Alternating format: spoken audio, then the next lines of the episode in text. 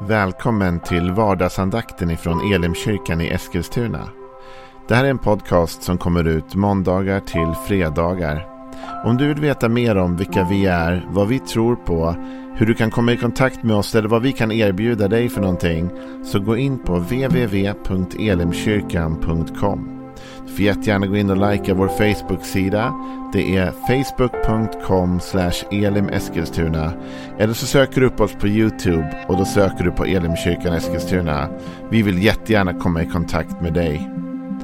Men nu lyssnar vi till dagens andakt. Välkommen till vardagsandakten från Elimkyrkan. Vi är inne i en psalm, psalm 94. Och vi har kommit fram till nästan slutet av den salmen faktiskt.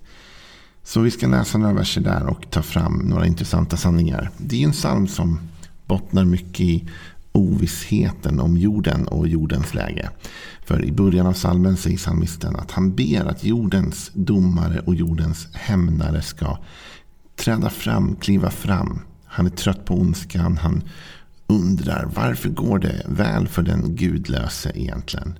Många sådana frågor bearbetas i den här texten. Men nu har vi kommit till slutet. Och vi läser från psalm 94 och vi läser från vers 20. Kan en orättfärdig domstol ha gemenskap med dig? En som gör orätt i lagens namn. Som angriper en rättfärdig själ och fördömer oskyldigt blod. Men Herren har blivit min borg. Min Gud är min tillflyktsklippa. Han låter deras brott drabba dem själva. Han förgör dem för deras ondska. Herren vår Gud ska förgöra dem. Det kommer en insikt till psalmisten så här mot slutet av hans funderingar, hans tankar. Och det är ändå det han säger i vers 22. Men Herren har blivit min borg.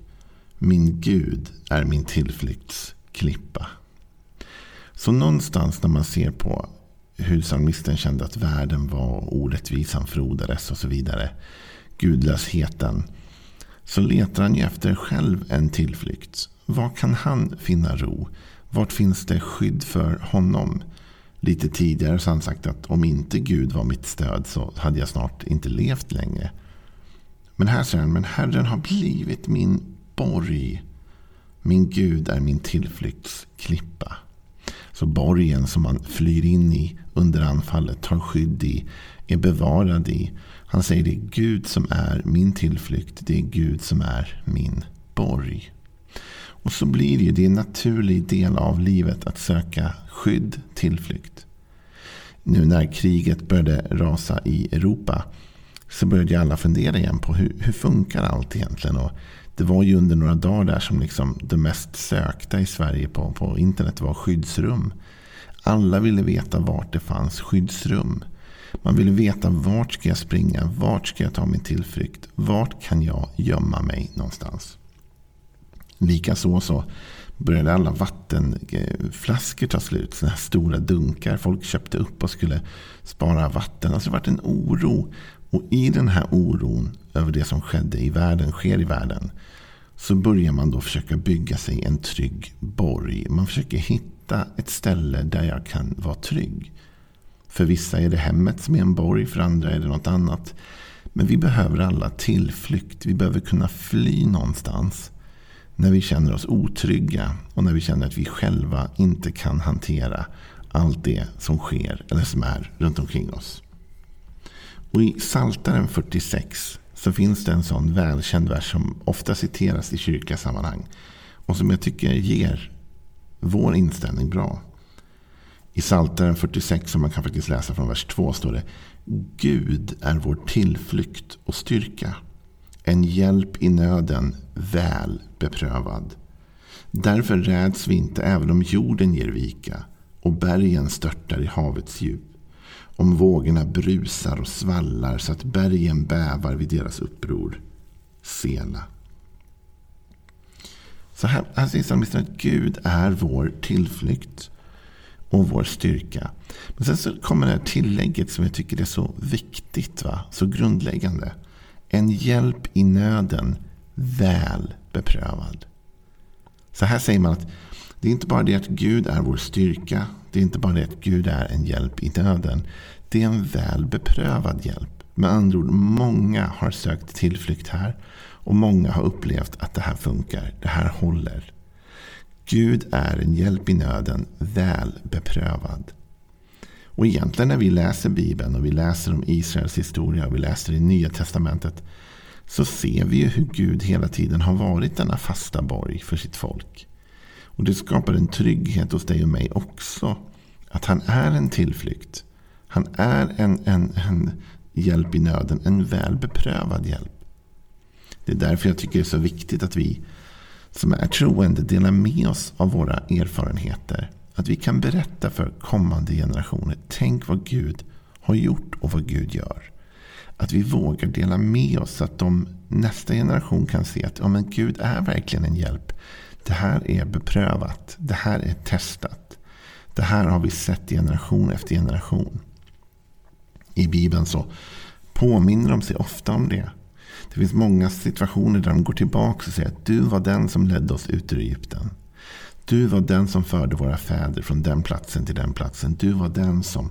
Och så minns man hur Gud har bevarat och hur han har hjälpt. I orostider i världen behöver du och jag stanna upp och reflektera kring vår borg, vår klippa, Jesus. Det är inte fel att ta reda på var skyddsrummen finns. Det är väl klokt. Det är inte fel att bunkra förnödenheter när man känner att det är bra. Det finns en poäng och har ett syfte. Men du och jag som troende, vi ska främst gå till Gud först. Alltså innan vi gör allt det där andra borde vi genast vända vårt hjärta till Gud och säga Gud, du är en hjälp i nöden, väl beprövad. Jag har hört Gud vad du gjorde för min mormor eller morfar, eller farmor eller farfar, eller mina föräldrar. Eller jag har läst i Bibeln vad du gjorde för generationer förut. Jag har sett det. Och ibland har vi den där erfarenheten själva. Va? Vi kan komma ihåg Gud, jag kommer ihåg hur du hjälpte mig sist det var problem. Jag kommer ihåg vad du gjorde för mig. Du är en hjälp i nöden och inte bara en hjälp utan en väl beprövad hjälp, Gud. Sen så fortsätter det då med detta med att göra Gud till sin borg, till sin klippa. När vardagsandakten startade då var det ju därför att en pandemi precis hade kommit över världen. Det känns märkligt nu. Det har gått så lång tid av både först en pandemi och nu är Europa i krig. Och det liksom har varit märkliga år bakom oss. När vardagsandakten startade då började vi med att gå igenom psalm 91. Och det var ju väldigt medvetet. Det var för att inge trygghet och hopp till dig och mig. Därför att det är en psalm som talar om Guds beskydd. Mitt i både svårigheter som krig och pest och annat. Och jag tänkte läsa med dig några verser för det går in i detta som psalmisten sa här. Då står det så här, i psalm 91 och vi kan läsa lite från början. Den som sitter under den högstes beskydd och vilar under den allsmäktiges skugga. Han säger till Herren. Han säger till Herren, min tillflykt och min borg, min Gud som jag litar på. Innan vi läser vidare så vill jag stanna upp någonting här. Det här är någonting som är oerhört diskuterat just nu. Inte kanske psalm 91 och kanske inte Gud som vår beskyddare. Men att sitta under någons beskydd. Det talas nu i svensk politik om ska vi vara med i NATO eller inte. Det pratas om vilket skydd har vi av Storbritannien, av andra länder, Finland, Norge och så vidare. Vad har vi för skydd? Vilka kan vi sitta under? Vems beskydd? Men du vet, du och jag, vi har ett annat beskydd också. Och jag säger inte att varken NATO, eh, Storbritannien eller någon annans beskydd är fel. Eller att vi inte ska ta emot hjälp eller hitta vägar. Jag säger bara att vi som troende har ett annat skydd. Och det är att sitta under den högstes beskydd. Ditt liv ryms under Guds vingar och skugga. Du vet, Gud vill vara din borg. Vad du än har för utmaningar i din vardag idag. Vad du än möter för svårigheter, för problem. Gud vill vara din borg idag. Han vill vara din klippa.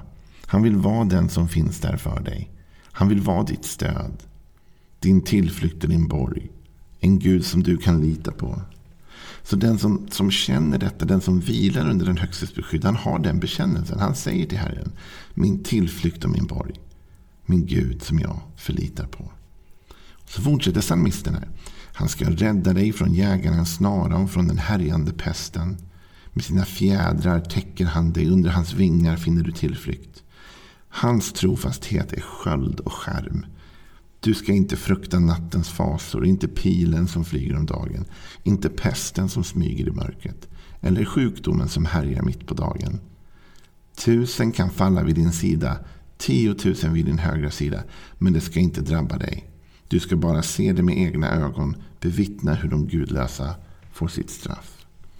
Så här börjar det talas om vilken borg, vilken klippa, vilket skydd vi har i Gud. Hans trofasthet till dig och mig är sköld och skärm. Så du och jag behöver inte frukta. Så du kanske tänker så här, hur ska jag få ro i dessa oroliga tider? Ja, men en nyckel till att få ro är att inse att du har ett beskydd och en borg. En tillflyktsklippa i Gud. Att du kan vända dig till Gud med din oro. Du kan vända dig till Gud och säga Gud jag behöver ditt stöd, din hjälp. Psalmisten sa men jag har gjort Gud till min borg. Min tillflyktsklippa. Gud är den som vill finnas där för dig. Och det här går in även i Nya Testamentet. Därför Jesus, han säger när lärjungarna är oroliga. Nu var de inte oroliga just för ett krig och de var inte oroliga för andra saker. Men de var lite oroliga därför Jesus antydde att han skulle lämna dem.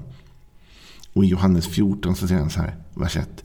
Låt inte era hjärtan oroas. Ja, det är ju lättare sagt än gjort, eller hur? Låt inte era hjärtan oroas.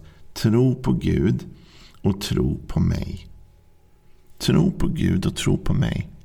Jag tror att det här är Guds bud till dig och mig idag. I oroliga tider. Kanske är världen mer orolig än den har varit på länge. Dels är vi oroliga för nya mutationer och pandemier och prylar.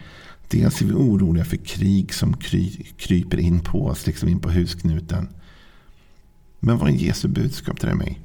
Låt inte era hjärtan oroas.